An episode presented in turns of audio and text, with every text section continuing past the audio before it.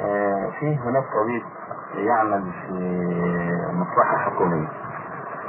فيسأل هل يجوز لي أن أعطي من دواء الشركة لإخوة مسلمين أيضا لا يجدون علاجا في الخارج ونحو ذلك وهل يعتبر هذا من باب الخيانة على أساس أن الشركة لها أدوية ولها في أنها شركة حكومية. ويرى أن كثير من الأدوية تخرج ممن لا يستحقون فهو يأخذ من هذه الأدوية ويعطي بعض الإخوة الفقراء المسلمين من حتى يعني يستعينوا بالعلاج هل هذا جائز؟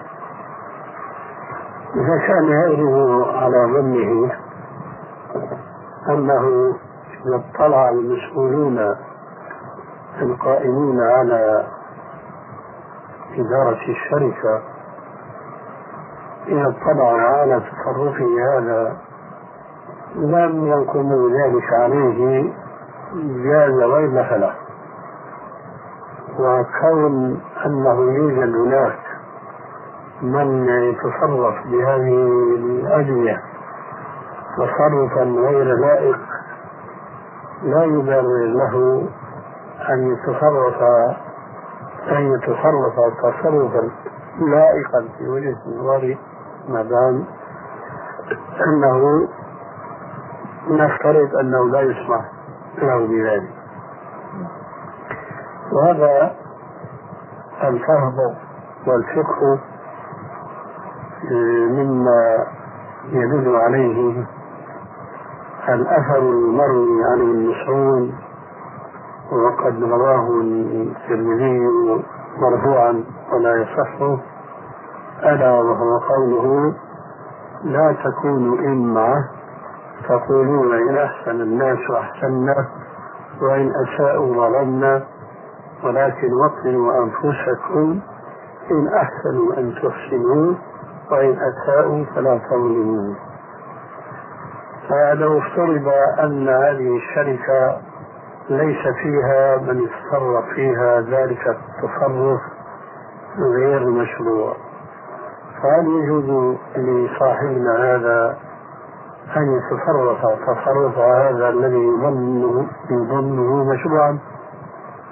طبعا سيكون الجواب لا لسبب المال يكره وحين ذاك فلا يبرر له ذلك التصرف أنه وجد في الشركة من يسيء التصرف. ولو كانت يعني هذه الشركة لا قائمة مثلا على عدل ولا على أحكام إسلامية ولا كذلك ويعود الجواب وإن أساءوا فلا تظلموا. لأن هذا الأمر لو اكتشف ماذا سيقال في هذا المسلم وأشباهه وبخاصة إذا كان أمثالنا من أصحاب اللحى. حيسب اللحى وأصحابها؟ ما يكون السبب؟ ما نستطيع أن نفترض هذا خاصة في هذا العصر. هو طبيب يا شيخنا من عادة الشركة لا تسأل عن الأدوية ونحو ذلك لأن بيدخل له مثلا عدد من المرضى كثير. فهو لا أحد يسأل أصلا. فهو يعني أحيانا بعض الإخوة الفقراء من المسلمين الضرب الملتحين كده يحتاج إلى أدوية تكون باهظة الثمن وتكون أحيانا مستوردة من الخارج لا تصنع محليا ولا توجد إلا في مثل شيء فهو يأخذ ويعطيهم. مع العلم بأن أحد لا يسأل ولا يستجيب لأن هو يعتبر مدير الأطباء أو كبير الأطباء يعني. يعمل بكلام السابق يسمع له في من الكلام أم لا؟ طبعا ما ما ما أظن. آه. ممكن الآن آه، وضع قيد للجواب السابق كما هو الشأن في كثير من المسائل الأخرى. إذا كان يعتقد الطبيب بأن هذا الدواء الذي يعطيه لزيد من الناس أو زينب من النساء آه، من أمر ضروري. هذا يقال ضرورات بالمعلومات أما جعل قاعدة مستمرة الجواب ما سبق. طب سؤال آخر. من الأخير. نعم. هل التسعيرة الجبرية حلال؟ ليس من نظام الإسلام فرض الأسعار على المسلمين لأن الحديث الذي تعرفه لما قالوا له قال المسعر الله جعل التسعين يوما خلاف النظام الإسلامي لكن لا مانع أبدا من آه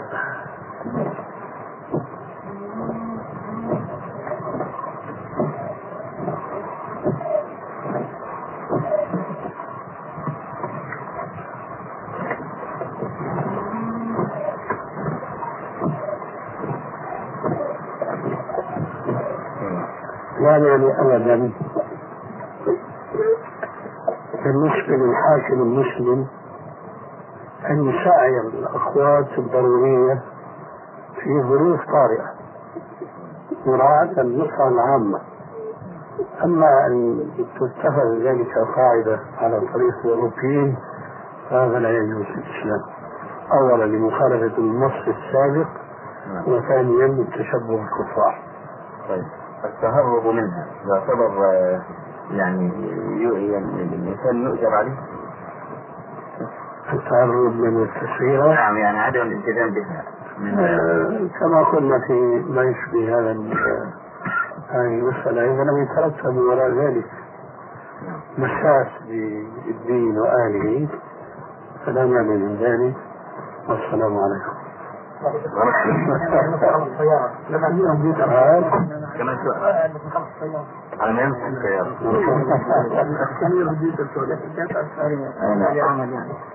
رجل توفي وترك من جملة ميراثه محلات بالإيجار فهل هذه تدخل من ضمن الميراث؟ ماذا تعني محلاته ولا مستأجر له؟ مستأجر كان مستأجرها ليست ليست ملكا له نعم. لا. هذا لا يدخل في إلا على الطريقة الجاهلية العصرية السؤال الثاني. آه، رجل ليس لك. آه نعم. هو عنده سؤالان. آه. سؤال واحد. صحيح. آه. رجل أصاب حدا وليس هناك كما بطبيعة الحال حدود فمثلا هل يجوز له أن يسافر مثلا إلى بلد تقيم الحدود؟ حتى يقام عليه الحد؟ هو الأحاديث صريحة في التستر حتى في بلد الحدود. عليه أن يتوب بينه وبين الله تبارك وتعالى. وذلك كما لو قيم الحد عليه. ما في لو كان في بلد تقام فيه الحدود وأمكنه أن يستر على نفسه فذلك أولى به من أن يعرض نفسه على الحاكم الذي يقيم الحدود في بلده فبالأولى والأهرى أنه لا يشرع له أن ينتقل إلى بلد أخرى تقام فيه الحدود. وهل يسقط عنه الحد؟ التوبة. التوبة تسقط الحد هنا. إذا الحدود يعني جواجر أم جواجر؟ في الحد الحدود يعني جواجر أم جواجر؟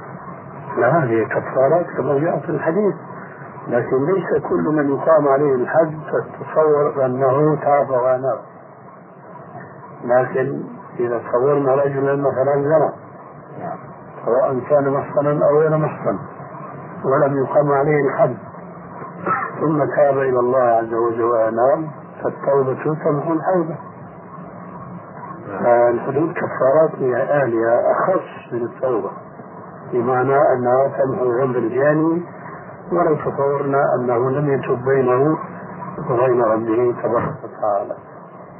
سبحانك اللهم وبحمدك. أشهد أن لا إله إلا أنت. إن شاء الله اليوم في بيت الأخ علي. إن شاء الله. الله بالنسبة ما وجه التوفيق بين الحديث السيد الله يقوم إلى سيده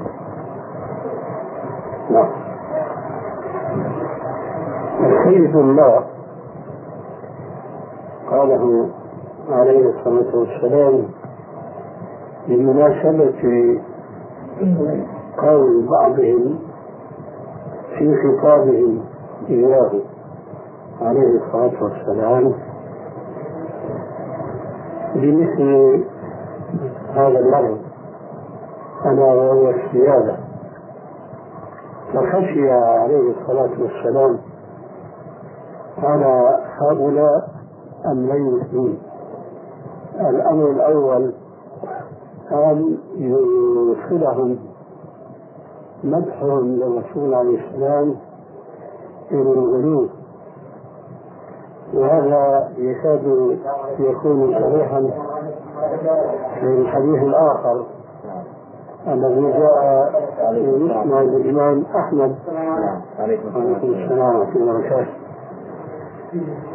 أن ناسا جاءوا إلى النبي صلى الله عليه وسلم فقالوا له أنت سيدنا وابن سيدنا وخيرنا وابن خيرنا.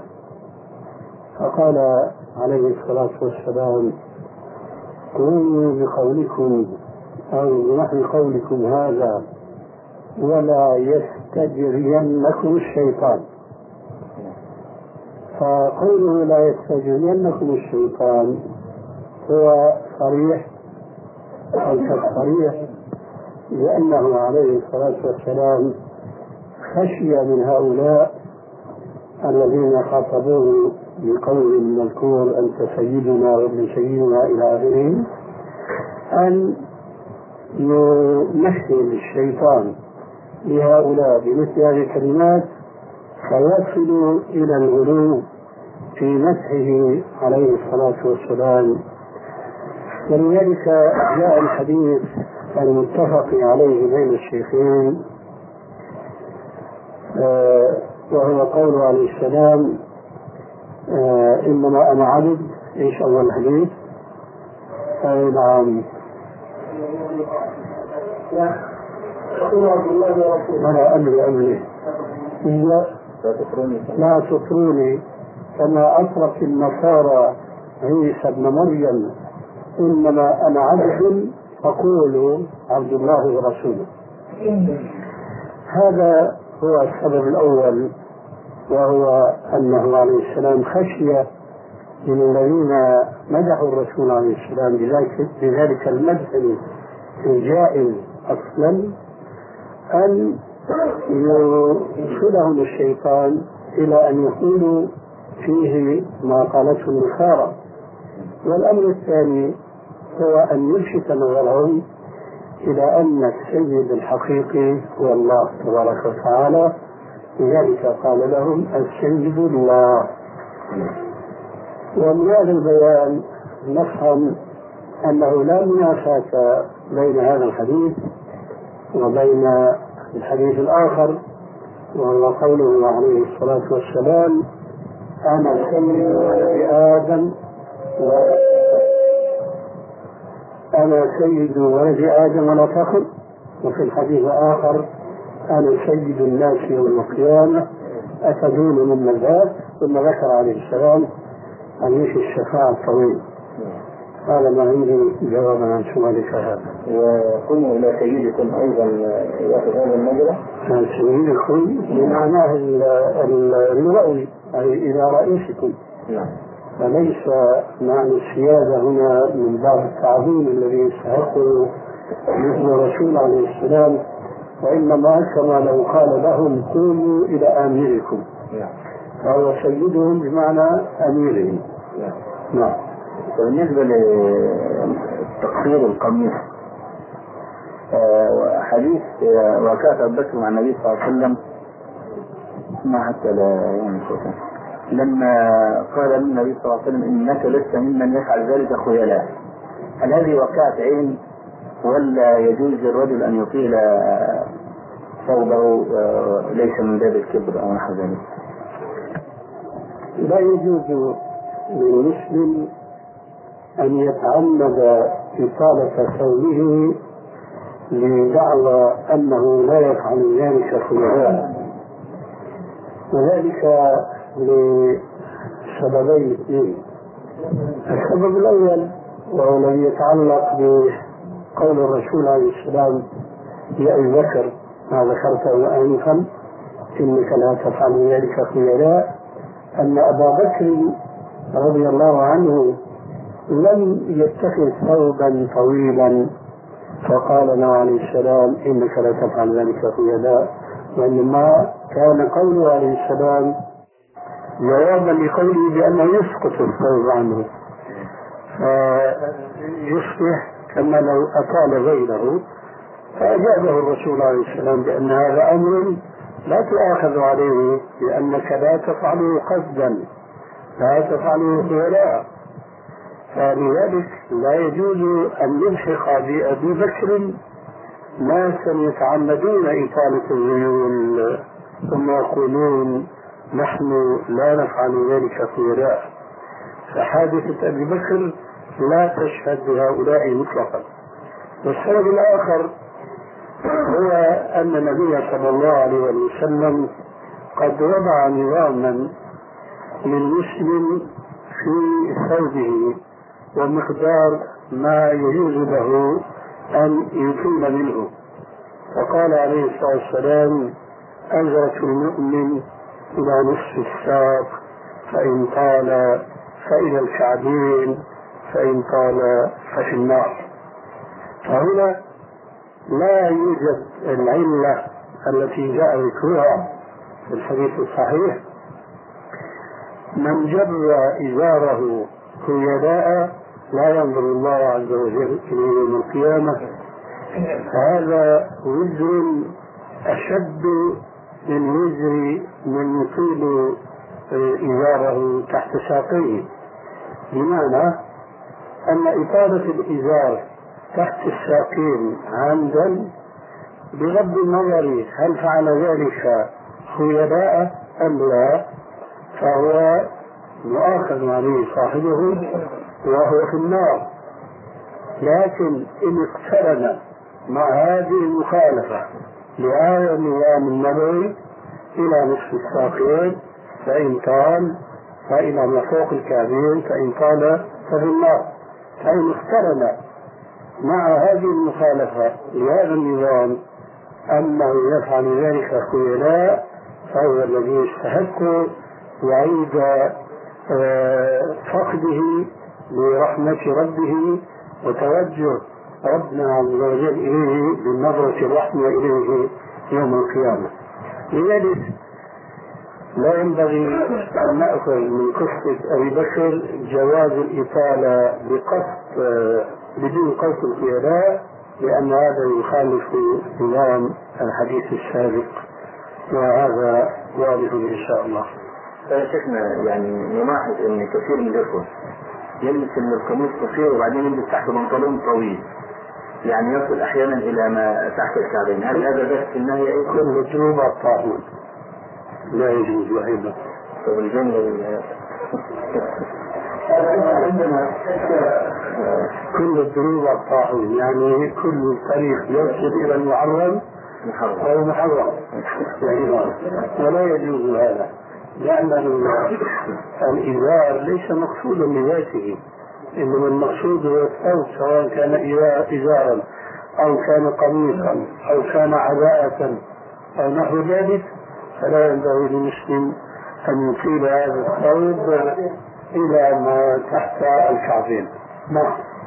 هذه حديث إياه إسبار الإزار فإن إسبار الإزار من المسيرة هذا الحديث قد يدل على يكون هذا أو ليس هو ان التعظيم هذا صحيح وهذا هو الاصل لكن الواقع اننا لا نستطيع ان ننكر واقعا اخر وهو ان بعض الناس قد يفعلون ذلك ولا يدور في خلدهم اطلاقا قصد الخيلاء لكن هنا إثارة الإزار المقصود منه الخيلاء فهذا الحديث الذي تذكره أنت يشير إلى الأصل لماذا يثير الإيمان هو خيلاء لكن هذا لا يعني أن نفرض على كل شخص أن نتهمه بأنه يفعل ذلك خيلاء وهو أدرى بنفسه يقول أنا ما أفعل لكننا نلفت نظره والحالة هذه إلى الحديث السابق الذي هو منهج في هذا القميص أو ذاك الثوب وهو من حديث أبي سعيد الخدري. رضي الله عنه. نعم. نعم. طيب، بالنسبة لخدمة المرأة في الدار واجبة ولا مستحبة؟ الرجال قوامون على النساء بما فضل الله بعضهم على بعض وللرجال عليهن درجة. فيجب على المرأة أن تخدم زوجها مقابل قيامه هو بالواجبات التي فرضها الله عز وجل عليه من الإنفاق ومن السلم ونحو ذلك. فلا يجوز أن يقال إن حق الرجل فقط منها الاستمتاع بها لأن هذا أمر مشترك بين الزوجين فكما هو يستمتع بها فهي تستمتع به فهنا صاروا اثنين راس براس فمقابل النفقة التي يقوم بها الرجل يجب على المرأة أن تقوم بخدمته ولا شك أن هذه الخدمة هي في حدود الطاقة والاستطاعة ولا يكلف الله نفسا إلا وسعها. أما أن يصل الأمر إلى أن يقال وقد قيل فعلا مع الأسف أنه لا يجب عليها أن تقدم له كأس ماء ولا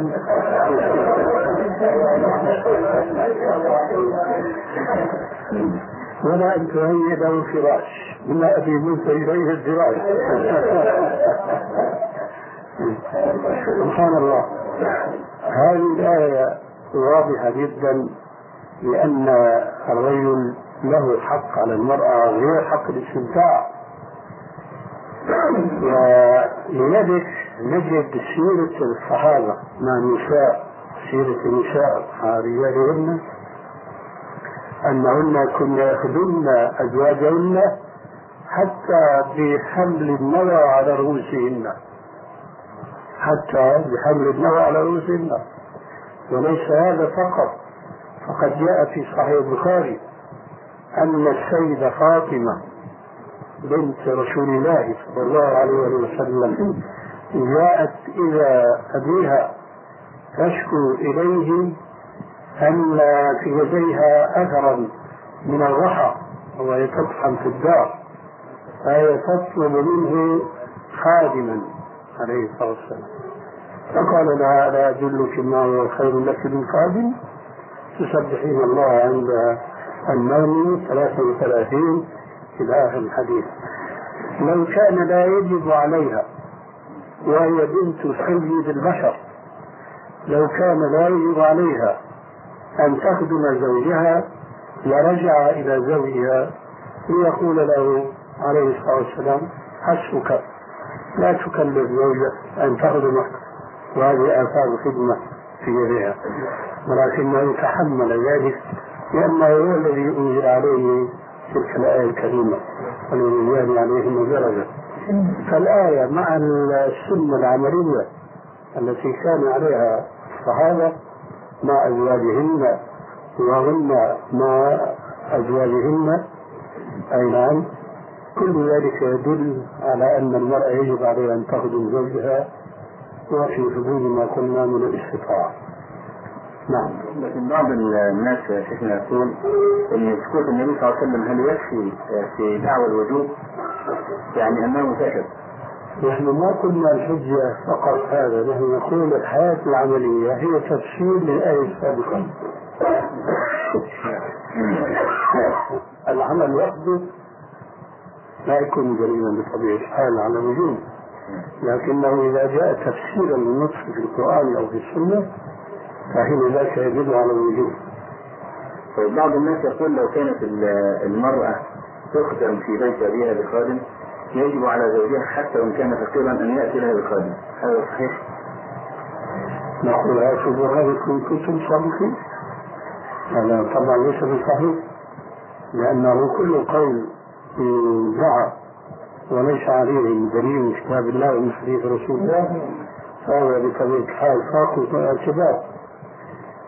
كيف وما سبق من البيان يكفي أنه لا يجب على الرجل أن يأتي بالخادم إلى زوجته. ومع ذلك فنحن نقول آه، إدخال الخادم إلى دار الزوجة سواء كان ذكرا أو أنثى ففي ذلك تعريض لأحد الزوجين للفتنة. لأن الخادم إن كان امرأة فالفتنة قد تقع للرجل وإن كان رجلا الفتنة قد تقع للمرأة. ولذلك فمن المخاسر التي يتعرض لها العالم الإسلامي بسبب تركه الجهاد أولا ثم بسبب انجراف كثير من الكتاب الإسلاميين إلى تبني تحريم الرقيق ثانيا فهم خسروا حلا لمشكلة الزوج التي الزوج حينما يكون في مجتمع إسلامي حقا وترفع فيه راية الجهاد في سبيل الله ونقل الدعوة من دار الإسلام إلى دار الكفر هناك سيقع للمسلمين أسرى من الرجال ومن النساء ويصبح الكثير منهم آه، رقاء للمسلمين. ففي هذه الحالة يستطيع الرجل أن يدخل إلى داره سرية تحيد له من جهة وتخدم زوجه من جهة أخرى. الله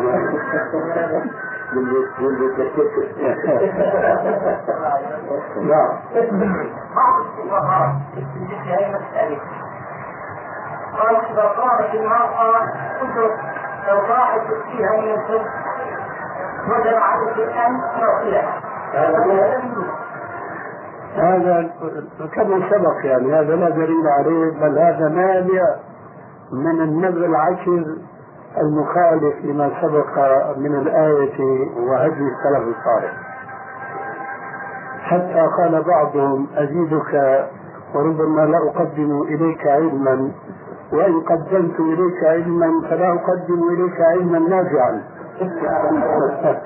لأن بعضهم قال يجب على الرجل أن يشتري الدخان للمرة التي تذكر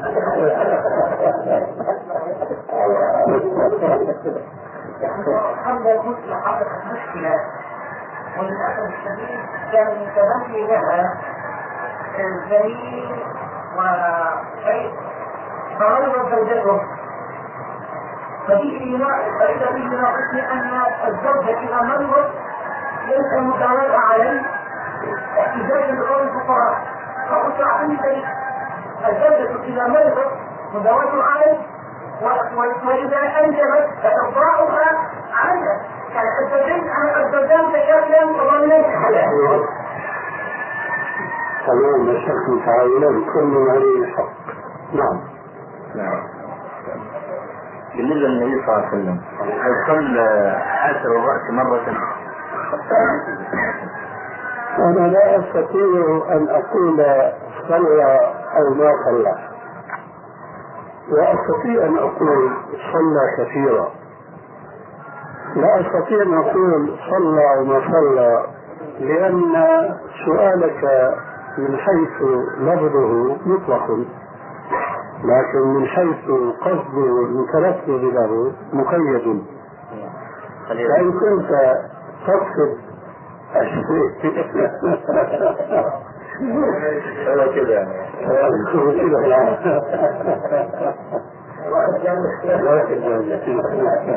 ومن ذلك الوكيل اللفظ هذا والقصد كذا. القصد من السؤال هل صلى في يوم ما حاشر رأسي وهو غير محرم يعني في الوضع الطبيعي. ففي هذا القيد لا استطيع أن أقول صلى أو ما صلى.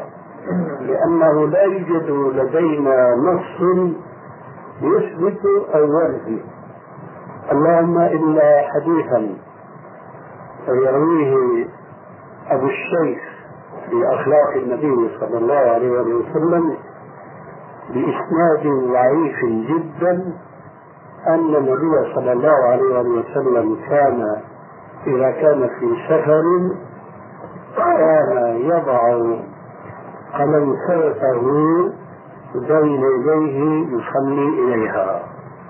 فإذا هذا النص لو صح كنا نستطيع أن نقول صلى أحيانا حاشر الرأس متسترا بقلنسوته لكن هذا الحديث ضعيف الإسناد جدا فهو في حكم المعدوم. بل الحديث الضعيف سنده فيما صرح به الإمام الحافظ ابن حبان هو في حكم العدم. فكيف إذا ما اشتد ضعفه؟ فحينئذ نحن نقول فيما سمعت لا نستطيع أن نقول صلى أو ما صلى. أما في حالة الإحرام بحج أو عمرة فهذا أمر معروف واضح. ولكن هنا شيء غير واضح. وهو أن كثيرا من أنصار السنة عندكم ومن أنصار البدعة في بعض بلاد المغرب سبحان ربي يحتجون بعدم استحباب على الأقل بعدم استحباب ستر الرأس في الصلاة قياسا على المحرم الحج أو العمرة. مثل هذا المنطق ليس غريبا أن يصدر من بعض المبتدعة وبخاصة ذاك العماري الذي له كتيب صغير فيه رسالة أو نسماها كشف الالتباس عن صلاح حاصل الرأس. رسالة صغيرة جدا يرد فيه على بعض الشباب المتعلم كما يقول هو أنهم قالوا له أن من الأدب أن يصلي المسلم ساكن الرأس. وضرب للشيخ مثلا أن أحدنا إذا أراد أن يقابل بعض هؤلاء الرؤساء فهل يدخل عليه حاشر الرأس أن يتأدب ويتزكى بأحسن زينة كان جواب الرجل بأن هذه المسألة تختلف اختلاف العادات. ففي بعض البلاد من الأدب حصر الرأس.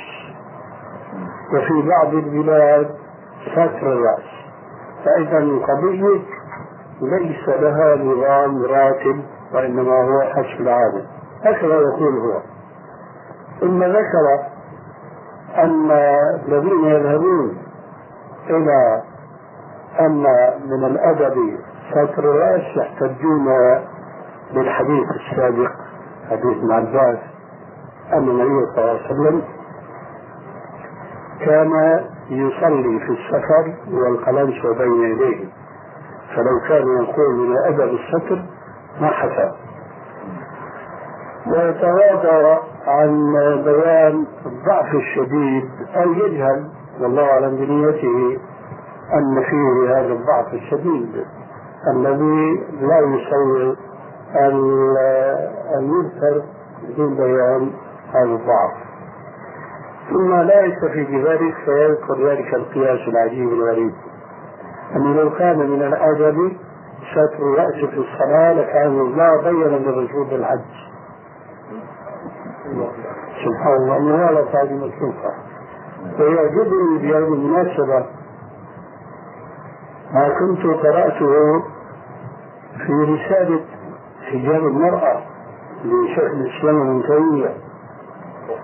ذكر هناك أهرا حتى هذه الساعة لم أقف عليه مسندا. يقول بأن ابن عمر رضي الله عنه رأى مولاه نافعا ذات يوم يصلي حاسر الرأس.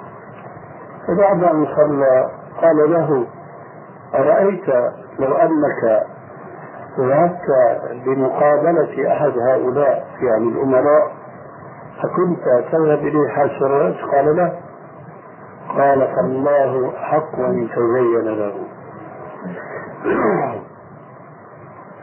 هذا كأثر بين نافع ومولاه لعمر ذكره هو ولم يعزه ولا وقفت عليه.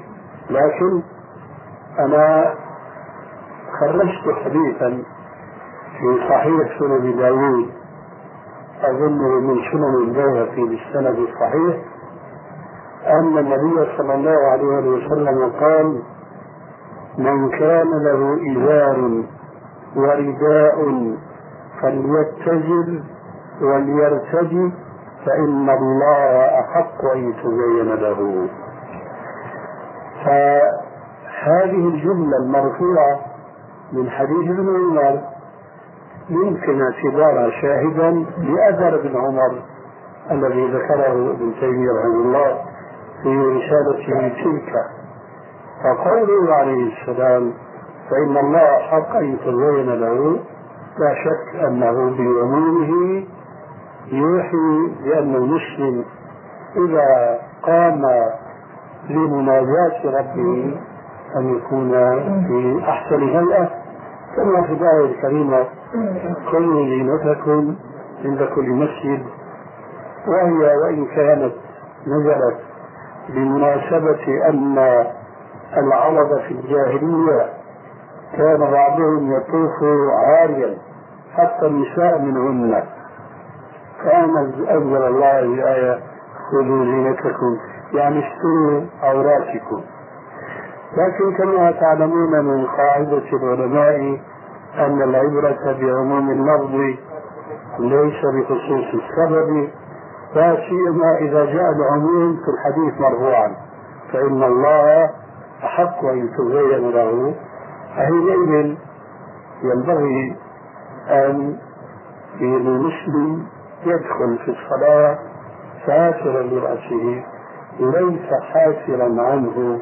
لأن هذا الحسرة أمر طارئ على العالم الإسلامي. إنما دخلهم حينما دخل فيهم الكافر المستعمل فجلب إليهم كثيرا من عاداته وتقاليده فتبناها وقلدهم فيها من لا علم عنده أو لا حس عنده بالتمسك بالآداب الإسلامية حتى غلب الحصر في بعض البلاد على الستر لكن لا يوجد هناك بلاد إسلامية أخرى خاصة بالعاجم هذول اللي بهمهم بعض القوميين لا يزالون يحافظون على هذه الآداب ولذلك لا ينبغي أن يقال كما قال ذلك الشيخ أن القضية تختلف اختلاف العادة. القضية تختلف اختلاف العادة. لو كانت هذه العادة عن عادة الحسر لو كانت عادة إسلامية. أما وهي عادة غربية فنحن يجب أن نحاربها وأن نبعد الناس عنها حتى خارج الصلاة. فكيف الصلاة؟ الإمام أحمد رضي الله عنه لأجل بعد وقف على رأسه من قاسم أن يقرأ الإمام حرف الرأس ولا يقبل له الشهادة أبدا. فأظن أن الإمام أحمد لو لم يقف على أثر. ما أظن أنه يقرأ في مثال كما رأيكم الشيء القضية تعود فعلا إلى ما ذكرناه آنفا أن هناك عادات وآداب إسلامية عامة كان إذا أخل بها المسلم ينسب إلى أنه ساقط المروءة. فإذا كان ساقط مروءة لم تقبل له شهادة.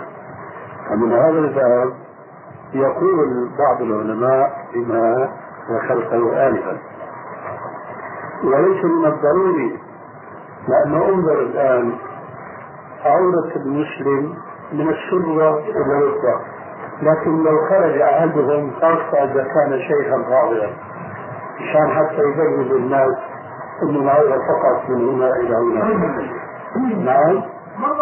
مرة سيء هذا يقول الناس عن الوجود وهذا بلا شك يعني خاطر اللغة فلا يجوز مع أنه الأصل جواز ولذلك سقوط المروءة لا تسقط بمجرد ارتكاب محرم.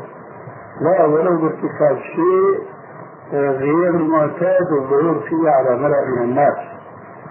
ومن هذه الزاوية كانوا يعتبرون الذي يمشي حاش الرأس أنه كما يقول كما يقول الأتراك أدب سن يعني قليل الأدب. قليل الأدب ساقط المروءة فهو ساقط الشهادة.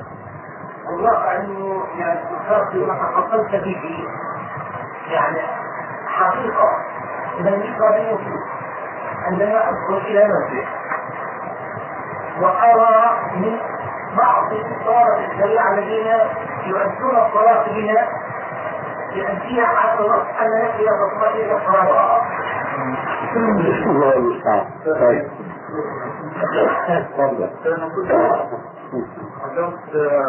أثر النبي صلى الله عليه وسلم أنه صلى إلى العمامة فلوس بكمال المدة إلى ابن عساكر فهل يعني هو من الطريق نفسه أم من نعم ألف شيء. أي كنت قرأت في كتاب أحكام النساء الإمام أحمد إنه أجاز للمرأة أن تأخذ من حاجبها بالموسى وقال هذا غير داخل في عموم النماط لأن النماط وقالها الشعر من الجلد. وسمعت أنها فتوى في السعودية من خلال ذا أنهم يجيزون للمرأة أن تجعل حاجبها كالهلال بالموسى وليس بالشعر هل هذا صحيح؟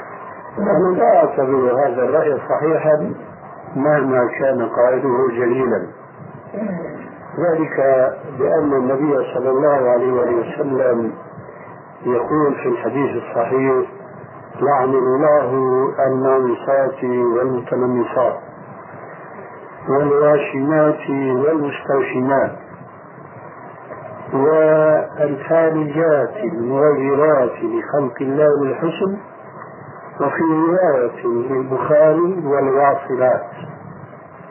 يعني ذكر رابعة وهي الواصلات. المغيرات لخلق الله للحسن. لو كان الحديث لم يأتي معللا في آخره بقول عن السلام المغيرات لخلق الله للحسن ولم يكن هناك في القرآن الكريم مثل ذلك القول الذي حكاه رب العالمين عن إبليس الرجيم أنه قال ولآمرنهم فليبتكن آذان الأنعام ولآمرنهم فليغيرن خلق الله. لو لم يكن هذا النص القرآني وذاك التعليل النبوي في آخر الحديث وقال قائل بما ذكر آنفا لكنا قد نقول بقوله لأنه ذكر النمص أي النجف ولم يذكر الحلقة ولا شك أن النمص شر من الحلق. ولكن ما دام أن هناك علة شرعية ذكرت في نهاية هذه الخصال التي رتب الشارع الحكيم على من تحققت فيه أو تحقق بها أن يكون مفروضا من رحمة الله علل ذلك كله بقوله عليه السلام المغيرات لخلق الله للحسن. فحينئذ نقول النمص تغيير لخلق الله والحلق تغيير لخلق الله وإن كان النتف شر من الحلق لأنه يؤثر في التغيير ويمد مدى التغيير أكثر من الحلق. لذلك فبالنظر إلى هذه العلة الشرعية لا يجوز للرجل آه للمرأة فضلا عن الرجل أن يحلق حاجبه أو خده أو أي مكان من بدنه لم يؤذن له بذلك من الشارع الحكيم لأنه داخل في عموم قول عليه السلام المغيرات لخلق الله للحسن طب ابن جرير الطبري بعد ما ذكر مثل ما قلتم جوز للمرأة أن تأخذ الشعر الذي فوق الأنف وترك إذا توقع الحجمة. هذا جائز ولا؟ يفهم بهذا ما سبق. كل تغيير لخلق الله لم يؤذن به في الشرع فهو داخل في النهي بل في المعنى. وإن كان منظرها مستبشع جدا. يعني عند العقول عند العقول مستبشعة هذا يذكرني بحديث جميل جدا. هناك حديث أن النبي صلى الله عليه وسلم رأى أحد أصحابه نسيت اسمه الآن. والحكمة عرفها من عرفها وجهلها من جهلها. فهذا عيب ولا شك. هذه الفتحة اللي سماها الرجل. هذا عيب ولا شك بالنسبة لعرف الناس السواد الفاحم الذي نحن نراه هذا عيب. البياض الناصع عند السود عيب. لكن هذا خلق الله وهذا خلق الله. فأروني ماذا خلق الذين من دونه. نعم.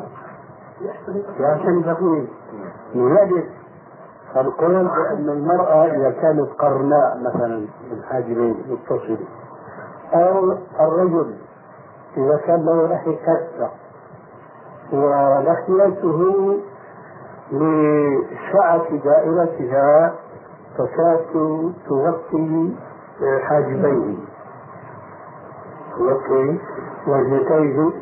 ثم قد يصل إلى الحقيقة الجسمية هذا خلق الله. فيجب أن نرضى بخلق الله تبارك وتعالى. هذا من جماعة بدون الله يشهدوا بالدرس والدرس الدرس ما بيشتغل فعلتك الآن تشتغل أنت بالدرس أيضا يعني أنا مالي هذا شيء؟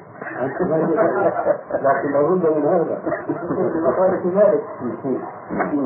طب ممكن أن نستفيد يعني في أثناء الأكل. حتى لا يكون شيء. حتى يأخذ قليلا حتى يأخذ كل أنت إذا أنت لا تريد أن تأكل طب ممكن أن نستفيد يعني في أثناء الأكل. حتى لا يكون شيء حتى يأخذ قليلا حتى يأخذ كل أنت.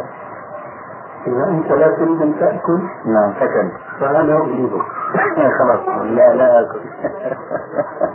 نعم. في في بلدنا آه امرأة لها لحية كلحية الرجل تماما. ونحن رأيناها يعني بأعيننا. هذه المرأة يجوز لها إن طبعا إنها تحلق اللحية أو ولا تترك نفسها. لا يجوز. لا يجوز؟ ثم هذا منظر بالنسبة للمرأة. لا والله صحيح. في بلدنا والله صحيح أنا بقول نقول أن توجد امرأة لا لحية الرجل. لا فرق عندي أبدا بين أن يوجد رجل كالمرأة لا لحية له. لكن هذا لا يضر الرجل. هذا لا يضر الرجل من هذا يضر المرأة. آه. قولك لا يضر الرجل لا تقل بشمال يا أستاذ.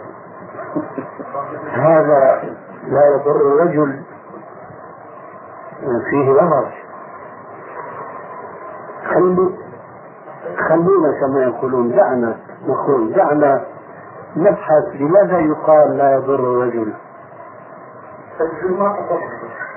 ليش لا هو ما تصرف يحكيها. هو أكثر اسئلته مش نافع من نفسه ولا من لما هو يحكي ما يقول الناس. آه. لماذا لا يضر الرجل؟ لأن التشبه بالنساء هو الغالب على الرجال. بل هذا يعجب الرجل.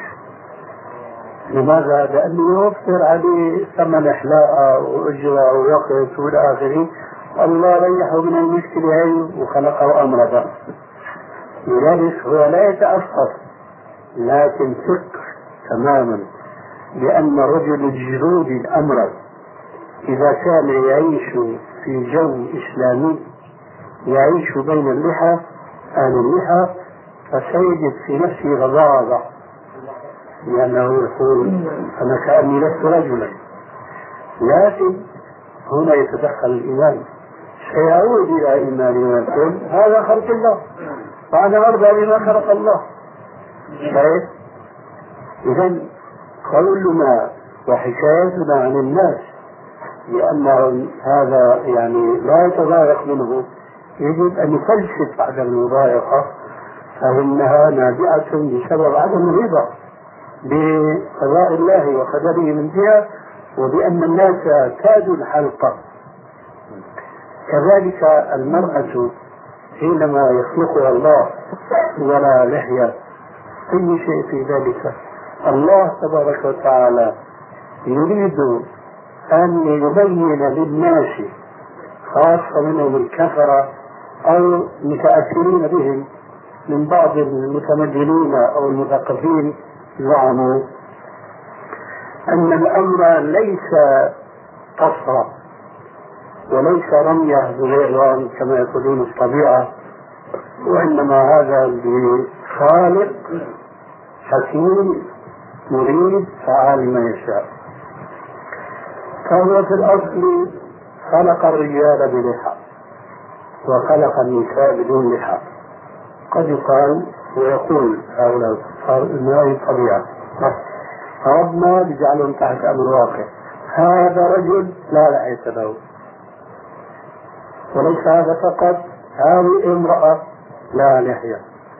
من الذي خلق الرجال بلحى وخلق هذا الرجل بدون لحية؟ من الذي خلق النساء بدون لحى وخلق هذه المرأة بلحية؟ هو الله تعالى ما يريد وربك يخلق ما يشاء ويختار ما كان لهم الخيرة سبحانه وتعالى عما يشركون. المهم تقبل الرجل الأمرد واقعه وعدم تقبل المرأة ذات اللحية واقعها كلاهما نابع من انحراف المجتمع الإسلامي عن الإيمان بشريعة الله عز وجل. هذا على شعر اليدين وعلى شعر قدمين المرأة صدق الجواب هذا من قلت كل تغيير لخلق الله بنفس أو خلق دون إذن شرعي فهو داخل في عموم العلة. كما تفضلت الآن ما الأمر هو خلق الله تعالى. فمن أين اختلف الفقهاء إلى كراهية إمامة الأمر في المسلمين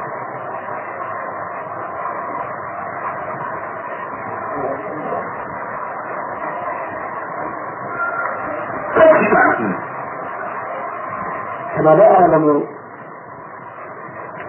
نصا في هذا ولا يمكن أن يتصور وجود نص فيه. لكن بلا شك مجال الاجتهاد والاستنباط واسع أنا أظن أنهم أخذوا ذلك من نفس الدليل الذي أخذوا منه أنه إذا كان هناك أمر جميل الصورة أن عليه أن يغطي وجهه. حتى لا يفتكر الرجال بالنظر إليه فإن وجد مثل هذا النص عند بعض العلماء وليس بطبيعة الحال كل العلماء وكل المذاهب فإنما مأخذهم ملاحظة الفتنة. لكن مع ذلك أنا شخصيا لا أرى ذلك يعني سائغا آه، لأنه قد ثبت في السنة أن غلاما أن الرجال ذوي اللحى وعمرهم ما بين سبع سنين أو تسع سنين. نعم. بس معروف في هذا. نعم. نعم. طيب شيخنا لو أردنا أن إحنا نخرج هذه المسألة على الفتوى على الواقع العملي. هذه المرأة إن ظلت بلحية فهي لن تتزوج لن يتزوجها أحد فتظل مثلا آه، طول حياتها لا تتزوج فلو قيل دفع المضرة الأقل بالمضرة الأكثر آه، طبعا لمقاصد الشريعة في دفع الحرج والعنف ونحو ذلك يكون هذا النوع مستثنى وإلا تأذت المرأة وظلمت يعني. بالضبط الضرر الذي يقال بجواز رده ونفعه فهو الضرر الناشئ من العبد أم من ربه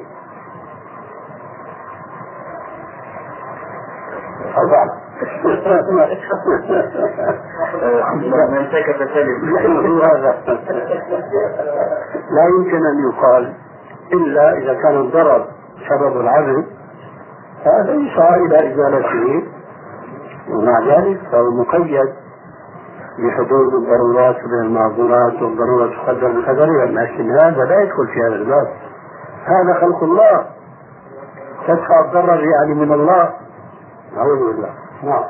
في محاولة أخرى من نفسه يذكرون بعض الفقهاء يعني في هذا فيقولون إنه يعني إذا اجزنا لها يعني حذف هذه اللحية إنما يعني من باب عدم تسمى بالرجال لأن هي الآن يعني واقعها على كرجل فتحلق لكي ترجع إلى أصلها وفطرتها أو طبيعة. هذا الجواب بنفس الجواب السابق. هل هي متشبهة بالرجال أم الله هو الذي شبهها بالرجال؟ انتهى الامر. هذا ليس في ملكها ولا في طوقها ما فعلت ذلك بنفسها وأريد كنكتة أخرى من أين نقول أن هذه ستعيش بدون زوج؟ أليس من الممكن عقليا منطقيا أن يكون زوجها أمراض؟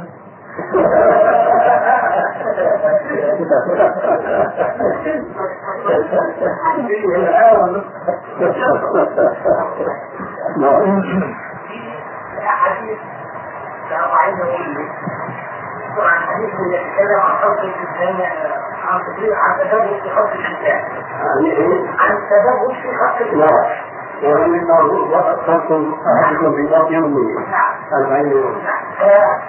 من جملة الحديث أن ملكا يقتل له نفسه الذي كتب له فالله تعالى يقول فوق في مناكبه وفي المسك وإلى كل شيء سؤال سائقا يعني سألنا أحد العلماء كيف نوفق بين الحديث والسعي في الرزق مطلوب وعليك أن أفعل. فكيف أوفق بين هذا المسمع بين الآية والحديث؟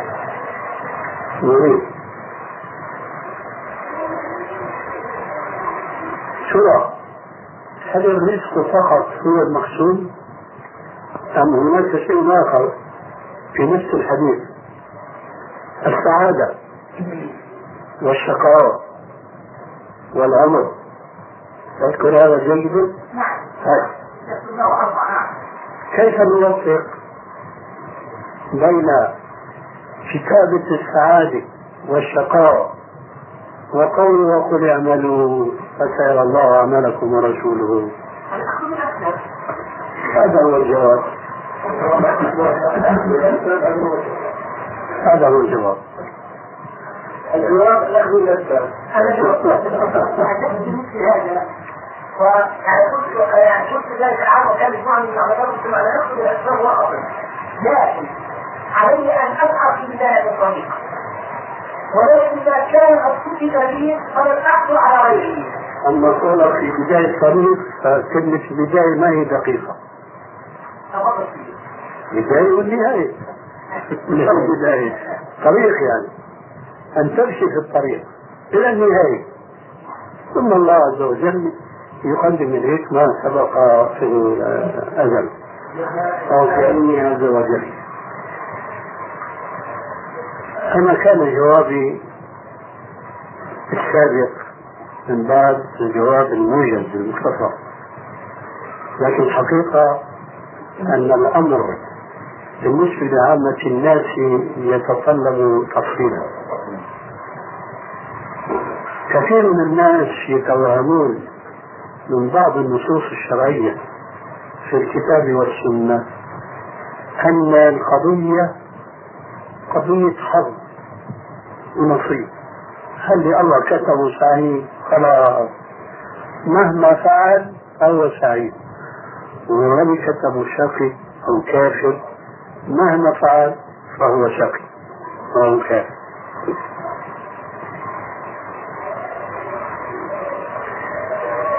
وبخاصة حينما يسمعون الحديث الذي يقول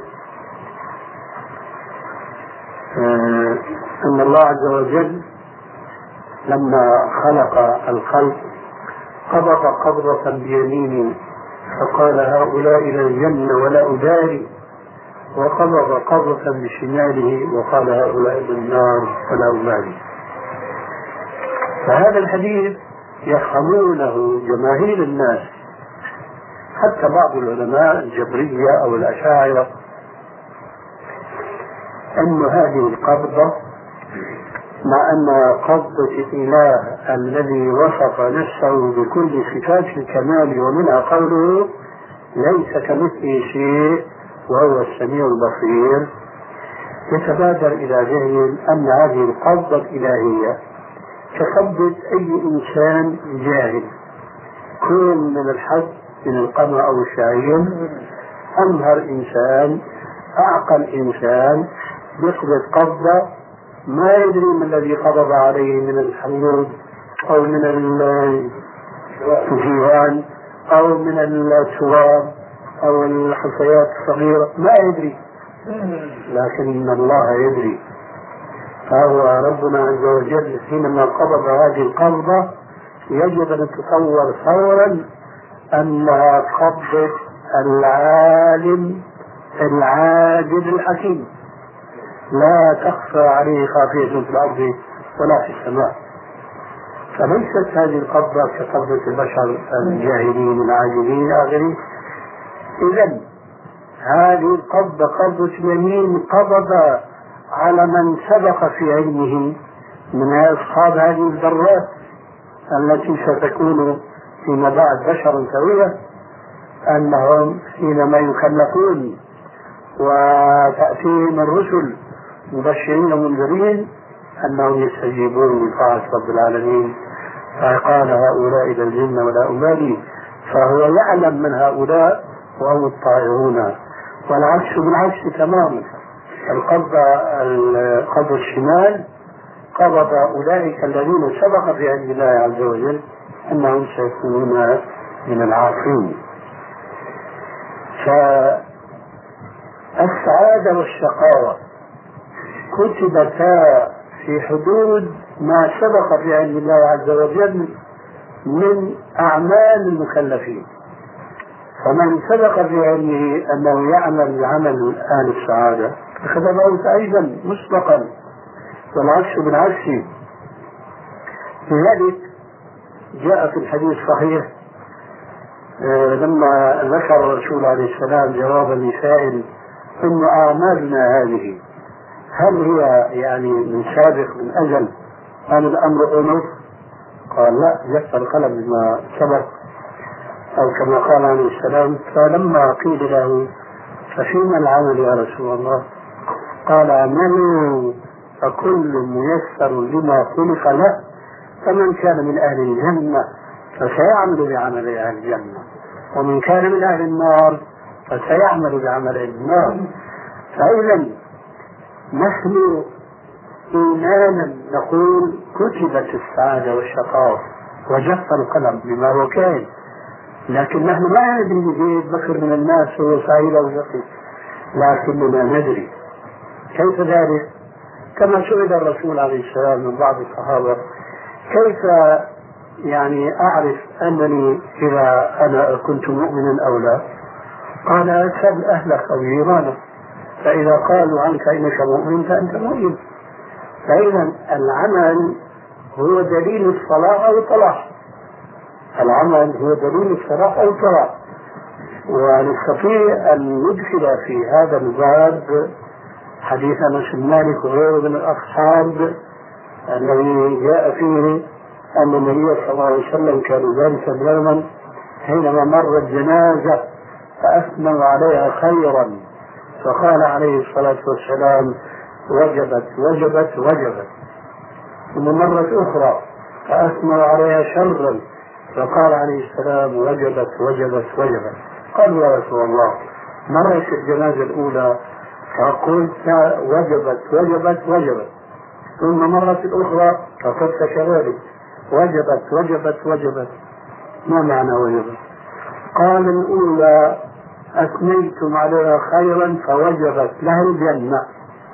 والأخرى أثنيتم عليها شرا فوجبت لها النار. أنتم شهداء الله في الأرض. فإذا مش ضروري نحن ندعي دعوة الصوفيين الغلاة. هذه بيدعوا في أولياء وصالحين يعملوا إيه؟ يكشف اتفاق المحفوظ فلان سعيد فلان شقي. وبالضمع إلى الله أنه يجعل فلان الشقي سعيدا. والسعيد شقيا عشان ينتقم منه نحن لسنا بحاجة إلى هذه القرار الكبرى. عندنا دليل. وقل اعملوا فسيرى الله عملكم اعملوا فكل ميسر لما خلق له فمن كان من أهل الجنة فسيعمل بعمل الجنة ومن كان من أهل النار فسيعمل بعمل أهل النار. اذا قولنا الاخذ الأسباب يربط بهذه الحقيقة. أخذ الأسباب ليس معنى ذلك فيما نحن فيه أن المسبب قد يتأخر عن السبب لا وبالعكس بلى أي فيما يتعلق بالسعي وراء الرزق قد يتأخر المسبب عن السبب أما فيما يتعلق بالسعادة والشقاوة ما في تأخر إطلاقا. لا بد وجد السبب لا بد من وجود المسبب في السعادة والشقاوة. أما في السعي وراء الرزق فليس الأمر كذلك وهو صريح في قول ربنا تبارك وتعالى من كان يريد العاجلة عجلنا له فيها ما نشاء لمن نريد. ما نشاء لمن نريد. أي الأمر هنا راجع أولا لمشيئة الله. ثانيا المقدار الذي يشاء الله. هو يسعى ليلا نهارا كالحمار. ثم لا يأتيه إلا ما قدر له. لكن تمام الآية. ومن أراد الآخرة وسعى لها سعيها وهو مؤمن فأولئك كان سعيهم مشكورا. هذا من بدأ سعيه هذا يصل إلى رؤيته إن عمل عملا مثلا يستحق أن ترفع درجته في الجنة مئة. مش ممكن يكون 99 لكن إذا عمل للسعي وراء الرزق ليأتيه 100 دينار مثلا في الشهر أو في الأسبوع فقد وقد وقد لا يأتيه لكن السبب لابد منه كما ابتدأت أنت كلامك في أمر الله عز وجل بالسعي في الأرض. لكن هذا السعي ليس لزاما أن يثمر الثمرة التي يبتغيها هذا الساعي بخلاف الذي يسعى لسعادة الآخرة فهو بلا شك واصل إليها يقينا. وهذا كما قال تعالى فمن يعمل مثقال ذرة خيرا يره ومن يعمل مثقال ذرة شرا يره. بالمناسبة في سؤال يسأل عن كل الطلبة في كلية المسلمات يسألوا سؤال. على نحو تفضل فيه. أنا كتب علي في اللوح المحفوظ أمور. هذا جاء بالبلاد خيرا أو شرا فأريد أن أنا جوابي أريد أن عليك فإن كنت على الصواب أصبر وإن كنت على الضلال رجعت عنه. أقول الطلب لأن ما كتب باللوح المحفوظ أصلا وفي علم الله. لكن أنا كإنسان لا يؤخر لأن أسير في هذا الطريق أو في هذا الطريق إنما وضع فيه العقل. العقل يقول لي هذا الطريق خير به ويؤدي بك إلى الخير. هذا الطريق هو طريق الشر ويؤدي بك إلى النار فابتعد عنه. فافترضنا كذا أن الله تعالى في علمه السابق قد كتب علي أن أفعل كذلك فعندما آمنت بالشر فدرت لعقلي أن هذا الأمر فتراجعت عنه وعملت خيرا واختلفت إلى قوله تعالى فالآية كانوا عندهم متساويات وما فأنا رحت اختيار الجواب يعني أنا قلت فيه والله الجواب فيه شيء من الخطأ لأنه لا نستطيع نتصور أنه سبق في علم الله أنني آمن شرا ثم أنا أحيد عنه هذا مستحيل. نحن ننتهي إلى القدر. لكن انتهانا إلى القدر ليس غصبا وليس رغما وإنما هو كما شرحنا آنفا والآن نضرب مثلا توضيحيا.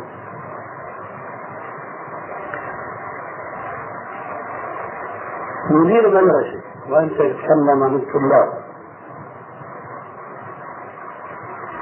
كيف فصل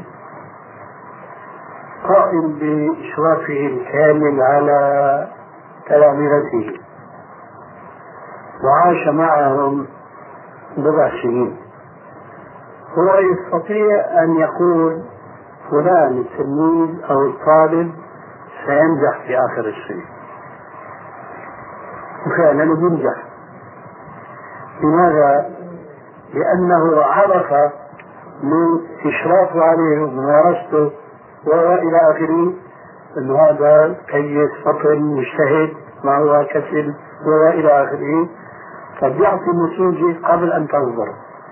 وهذا إنسان عاجز بشر. وربنا عز وجل الذي علمه ذاتي وليس كسبيا كعلمنا نحن. فهو بسابق علمه كما شرحت آنفا يعلم فلان حينما يأتيه الأمر بإيمان أيؤمن أم يكفر. فكتبه مؤمنا إن سبق علمه أنه سيؤمن.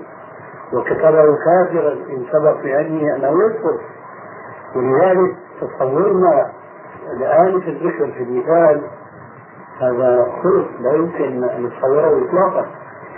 الشيء حقيقة مثل ما جاء في بعض الأغاني وقلما تنطق بالخط المكتوب على الجبين لابد ما تشوف العين. هذا كلام؟ صحيح ولو في أغنية مثل ما أنا ذيك اليوم مش كل شيء بيقول الصوفي يكون باطل هو بيقول لا إله إلا الله محمد رسول الله. فهو حق. فإذا كل شيء مسجل على الإنسان لابد أن يقع. كما هو سجل. لكن نحن درسنا موضوع التسجيل أنه لم يرغم على هذا التسجيل صاحبه وإنما سجل عليه مسبقا ما سيفعله.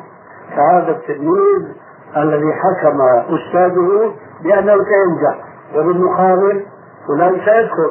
لأن يعلم ليلا نهارا من ينجح فهو ساقط وتلك أمثال نضربها للناس لعلهم يتذكرون لعلهم يتذكرون.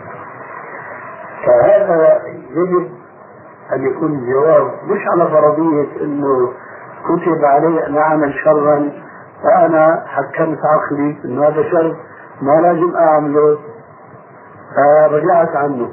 لا بدك تفترض هالمناقشة هالمحاكمة اللي أنت ذكرت أخيرا هذه مكتوبة في اللوح المحفوظ. يعني مثلا مكتوب في اللوح المحفوظ زيد من الناس. يخطر في باله إنه يروح يحرقها الليلة ليلة حمراء. خطر في باله هكذا. ناقش القضية إيش الفائدة أنا أروح احيي هذه الليلة حمراء؟ أنفق قوتي صحتي مالي ضي أهلي أولادي إلى اخره لا والله أنا ما راح أفعلها. وبقي في بيته. هذا كله مكتوب في اللوح المحفوظ. أما يكون مكتوب في اللوح المحفوظ شيء ويقع شيء هذا مستحيل أما الآية فليس لها علاقة بموضوعنا مطلقا. يمحو الله ما يشاء من الشرائع والأحكام ويثبت منها ما يشاء. وعنده أم الكتاب أي اللوح المحفوظ اللي فيه المحكم والمنسوخ الذي قرر بقاؤه واستمرار حكمه والذي رفع. فهذا له علاقة بالشرائع وليس له علاقة بأعمال القضاء والقدر نعم. الحديث من حمد إذا هذا اسم نستطيع أن نقول ينظر أي حديث من حمد على سيئة إذا عمل بسيئة فعملها فاكتبوها له سيئة وإذا لم يعملها فلا تكتبوها شيئا وإذا عم عبدي بحسنة فعملها فاكتبوها عشر حسنات إلى مئة حسنة إلى سبعمائة إلى أضعاف كثيرة والله يضاعف من يشاء وإذا هم بحسنة فعملها فاكتبوها له حسنة واحدة هذا كله ما يجري في النفس ويتحدث فيه الإنسان كله مسجل لكن الأمر كما قال عليه لا نعم هذا تسمية الشاي الأمر كما قال عليه السلام إنما الأعمال بالخواتيم. شاهد؟ هالمحاكمة يعني فرضتها أنت في نفس ذاك الإنسان شو شو النهاية بده يعمل الشر عمله مقصود كده مقصود انه بده يعمله ما بده يعمله ما ما بيعمله لأنه إنما الأعمال بالخواتيم. معلش العام الماضي جاء بعض المشايخ حتى وصل الرحمن صلى الله عليه وسلم عندي كلية في موضوع أيضا في الثقافة الإسلامية عن القضاء والقدر والشيء مشكلة الزواج نسمع من العامة أن فلان مقسوم لفلان فلما سئلت طبعا قلت القضاء والقدر نؤمن به. ولا نستطيع أن نتعداه ولكن الزواج أمر يقين وأيضا العقل أمر من قوه العقل باستفهام ادلته النبي عليه الصلاة والسلام يقول تنكح المراه في الاربع وفي هذا الحديث يقول فعليك بذات الدين فهي كذا الرسول عليه السلام دعانا إلى الرجل مولود. اذا لو آمنا بنظرية الناس لأن الزواج أو الزوجة هي مقصوده إذا علي أنا في أول يعني جهة دون أن أسأل عن الدين والأخلاق أقول هذه كل وسيلة وأخذ بها. فأين مكان العقد في الزواج وأين مكان القضاء والقدر في الزواج؟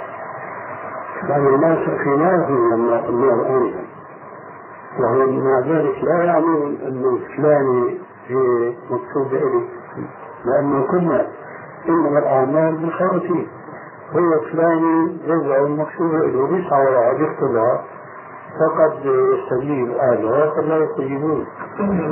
يا أستاذ يجب أن تستحضر قوله عليه السلام كل شيء بقدر حتى العجز والكيف. كل شيء بقدر. يعني أنا زوجتي أنت زوجتك هذا كله مقدر. لكن لا تنسى قولك القدر غيب فما أحد يستطيع أن يقول فلان بدك تصير زوجتي. لكن فلان إن كان الله مقدر أنه تكون زوجتي ما أحد يستطيع أن يمنعها بدك تصير زوجتي شهر منه فقول العامة يمشي مع هذا الكلام الإسلامي العام. كل شيء بقدر. لكن متى يقال فلان كانت زوجته في الغيب لما كانت زوجته أيوه اما قبل ذلك لا يمكن ان يقال ولا هم يقولون هذا يعني لا يقصدون هذا التوفيق العقلي يعني الله تعالى امرني أو النبي عليه السلام امرني ان افتش عن الدين بس الدنيا والقدر المقصود لا الدنيا بالاسلام لماذا الكلام فيه؟ هي ضمن الامر الاسباب التي امرنا بها وكنت قلت لك الفرق بين السعادة والشقاوة الأسباب فيها مربوطة بمسبباتها حتما بخلاف الأمور الدنيوية فقد تثمر وقد لا تثمر. فأنت مثلا بلغك خبر امرأة صلاحها ودينها وجمالها وغناها وكل شيء فيها من أحسن ما يكون. فتسعى حثيثا بخطبتها لكن في النهاية إذا سمع الله أو سمع الله وانتهى إن شاء الله تهزي بخطبها ليه؟ ليه؟ لأنه مو فرض أنك أنت أتيت بالسبب لتكون سعيدا في الدنيا. هذا السبب مش قاطع لا تنسى من كان يريد العاجلة عجلنا له فهذه عاجلة. أما السعادة الأبدية هذه ما تتخلف عن أسبابها أبدا. المهم الكلمة التي حكيتها عن العامة فهي كلمة حق ولا يراد بها طبعا كشف عن غير أنه فلان ستكون زوجي لفلان هذا ما أحد يقوله الحمد لله. نعم. أنا وعدت بنصيب الأسد.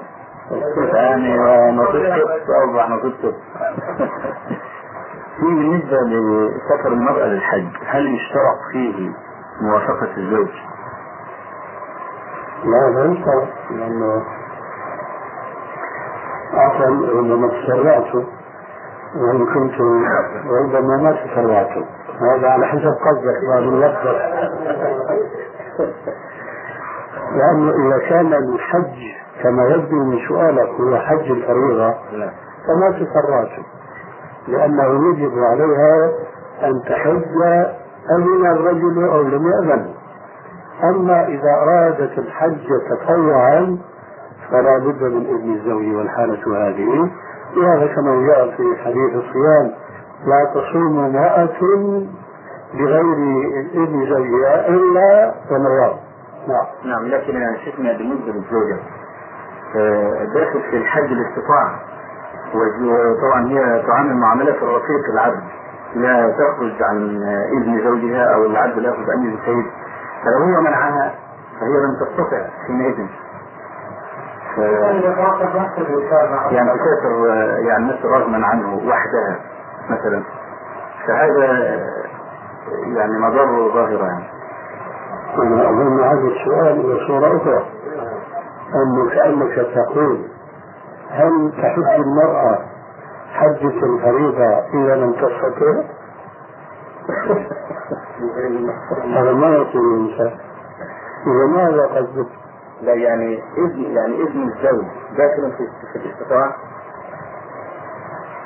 يعني إذا كنا آنفا بأنه يحج لها أن يجوز لها أن تحج بدون إذنه فيكون إذنه لها داخل في الاستطاعة؟ لا لا هذا لا نكون بدائل طب لو خرجت وسافرت وحدها وتعنفت يعني كده. تكون عاصية. نعم. هل يكون عاصية. تكون عاصية؟ نعم. لأنه خرج بدون محرم. طب ما هذا السفر معصية خرجت مع محرم. كيف خرجت؟ بدون محرم. هذا فقد أجبته خرجت عاصية. لكن حجها إذا حجت يكون قد برأت ذمتها. نعم. لكنها تكون عاصية ليس بحجها بدون إذن زوجها فإن الإذن هنا غير وارد منه لها لكن تكون عاصية بسبب عدم خروجها مع محرم له طب الذين قاتلوا المرأة على العبد خاطر؟ ما رأيك إذا قاس العبد على المرأة هل يكون فيها صحيح؟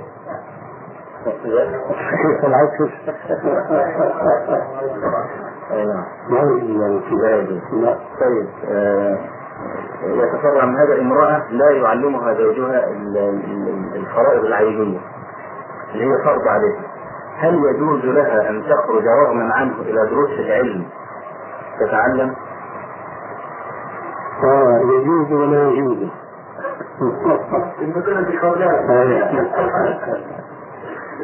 إذا كانت تخرج تتعلم الفرض العيني جاز وإلا فلا تخرج رغما عنه؟ ما هو سؤالك هذا؟ آه، هذا سؤال ثاني. إذا كان الزوج لا يعلم زوجته ما يجب عليها من أمور دينها وجوبا عينيا فخرجت بدون إذنه لتتعلم العلم الواجب عليها عينيا فيجوز لها لأنه لا طاعة المخلوق في معصية الخالق. أنا أعني بهذا الخير على الرغم من أنه جاء في السؤال لكن يجب أن نؤكد عليه في الجواب لأنها قد تخرج مثلا لتسمع درسا. هذا الدرس يمكن يكون درس قصاص أو واعي أو أو يكون مثل كشفوكم هذا شو اسمه الشيخ الكشف. هذه مبجج الدنيا بصياحه وزعاقه ويصلوا على نبي ويزيدوا الصلاة والآخر إذا خرجت لمثل هذا ما شو خرجت؟ لتعلم العلم الواجب العيني فلذلك لابد من التحديد. ولا شيخنا بالنسبة لسه يعني في بالنسبة لفتاة تسأل تقول أنا معتادة أصلي الفروض في المسجد. ثم سافر أبوها. ولم يخطر على بالها أن تأخذ إذنا أو نحو ذلك. هل يجوز لها الذهاب للمسجد وسماع دروس العلم؟ مع كون والدها مسافر يعني؟ أنا أجيبك الآن جوابا خاصا بيني وبينك. ثم نشرحه لبعض الجالسين. أقول هنا يستصحب الحال. استصحاب الحال. ويكون طبيعة الحال جواب يجوز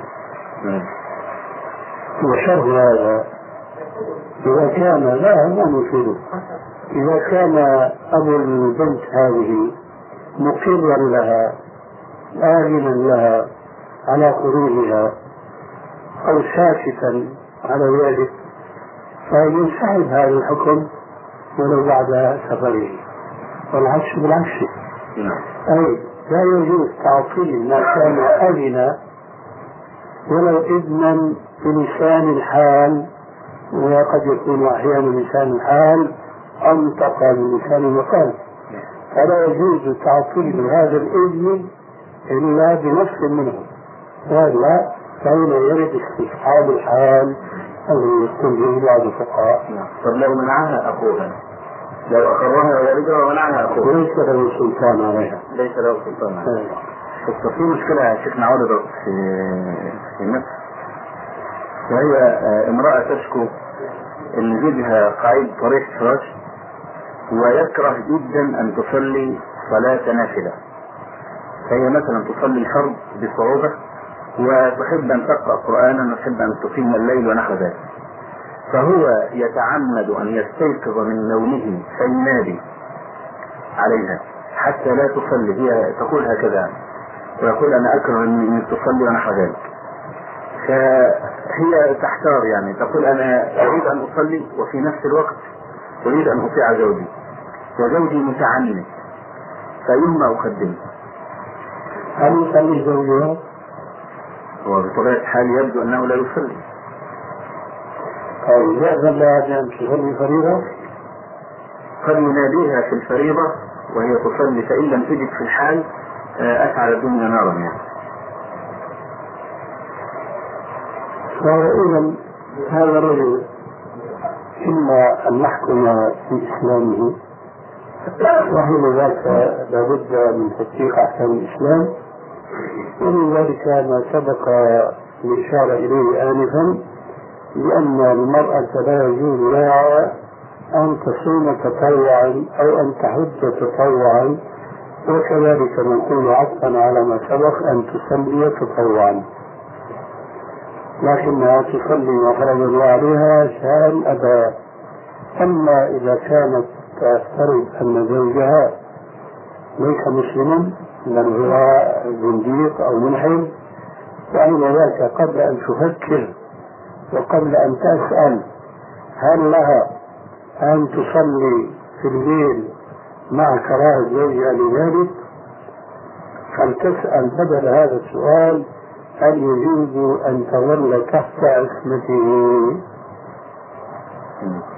في الحالة الأخرى إذا كانت عرفت منه مكفرا أو جاحدا للإسلام أو لأحكام الإسلام فلا يجوز أن تظل تحت عصمته. يجب أن تتبع المفارقة وتخلص من شره. أما إذا كان الأمر الأول أنه ما وصل به الضلال إلى أن يجحد شيئا من أحكام الإسلام وما في الأمر أنه لا يريدها أن تكون متنفلة نعم وعليه فعليها حين ذاك أن تطيعه والسؤال لا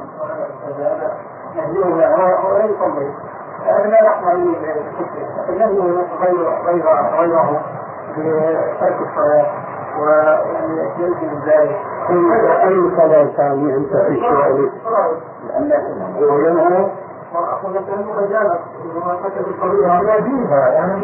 فإذا بها تصلي الفريضة فإذا نادى فهو لابد أن تكون في الحال تحت لا الصلاة معلش غير غير النهي عن الصلاة. غير النهي عن الصلاة. المهم نحن أجبنا بجواب جامع. إذا كان رجل قد أنكر شيئا من أحكام الشريعة فعليه أن تتخلص منه. الآن آه، سمعنا لأحد العلماء في السعودية خذ بالنسبة الذين يعملون في السعودية بدون إقامات بدون إقامات. فبيعمل لمدة عام المال اللي بياخذه. خلال هذا العام بدون إقامة هذا المال ليس مالا طيبا. ويعتبر حتى لدرجة مال محرم لأنه بغير إذن ولي الأمر ذاك الراعي الذي بالسعودية. فما رأيك بهذه الفترة؟ أنا بقول باللغة الشامية كتر خيره إنه قال مو طيب ما إنه حرام نعم على ما تفضل في الأخ الكريم بالنسبة إلى المرأة وخروجها إلى المسجد. خروج رأيك الشخصي حسب الواقع الذي تراه في عالمنا الاجتماعي فيه. من خلال ملاحظاتي عندما أذهب إلى يوم الجمعة في صلاة الصبح في رمضان وقد تكلمت المرأة تأتي إلى ولكن عند خروجها تختلط مع المصلين ويختلط مع المرات الحامل بالنادي هذا عن حصول الفتنة التي حصلت من الله إلى الواعظات. الجنود الفضل بالأخ الكريم الواعظات اللواتي يعطون الجنود المسجد وعي لما أرى من أحاديثهم وضعيفهم وبعض القصص الإسرائيلية فما رأيت حديثك لو منع الإنسان زوجته وابنته من الإنسان إلى المسجد ووعظها هو واكتفى بخرجات المسجد. المرأة أو النساء التي تتحدث عنهن إما أن يلتزمن أحكام الشرع أو لا يلتزمن ولم يحدد السؤال لأنك في الأخير حددت السؤال. فقلت بالنسبة لزوجتك أقول زوجتك إن كانت تخرج إلى المسجد متلبسة بالأحكام الشرعية ذهابا وإيابا فلا يجوز لك أن تمنعها لأن النبي صلى الله عليه وسلم صح عنه النهي عن من النساء. عن من النساء الخروج إلى المساجد حتى قال إذن للنساء بالخروج إلى المساجد بالليل فضلا عن النهار. وقد قيل لزوجة عمر الخطاب.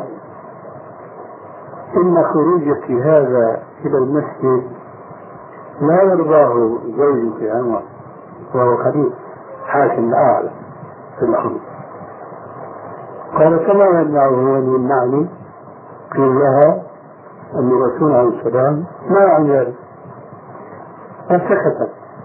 فالشاهد إن كانت المرأة تخرج متلبسة بأحكام الشريعة فلا يجوز للرجل أن يمنعها وإن كان بيتها خير لها فهو شيئان الشيء الأول أن المرأة ينبغي أن تعلم أن الصلاة في بيتها أفضل من صلاة في منزلها الحكم الثاني متعلق بزوجها. ليس له أن يمنعها أن تخرج من المسجد ما دامت ملتزمة بأحكام الشريعة. أما إذا كانت كما وصفت من وقوع الاختلاط مثلا بين النساء والرجال فهذا له حين ذاك أن يمنعها ولو أن هذا المنع لا يحسن أن يكون مباشرة إلا بعد تعليمها وتحذيرها من الأخطاء التي علم زوجها أنها تقع فيه فإذا علمها وحذرها. فلم تستجب بأمره بل بأمر الله تبارك وتعالى حينئذ منعها. وهنا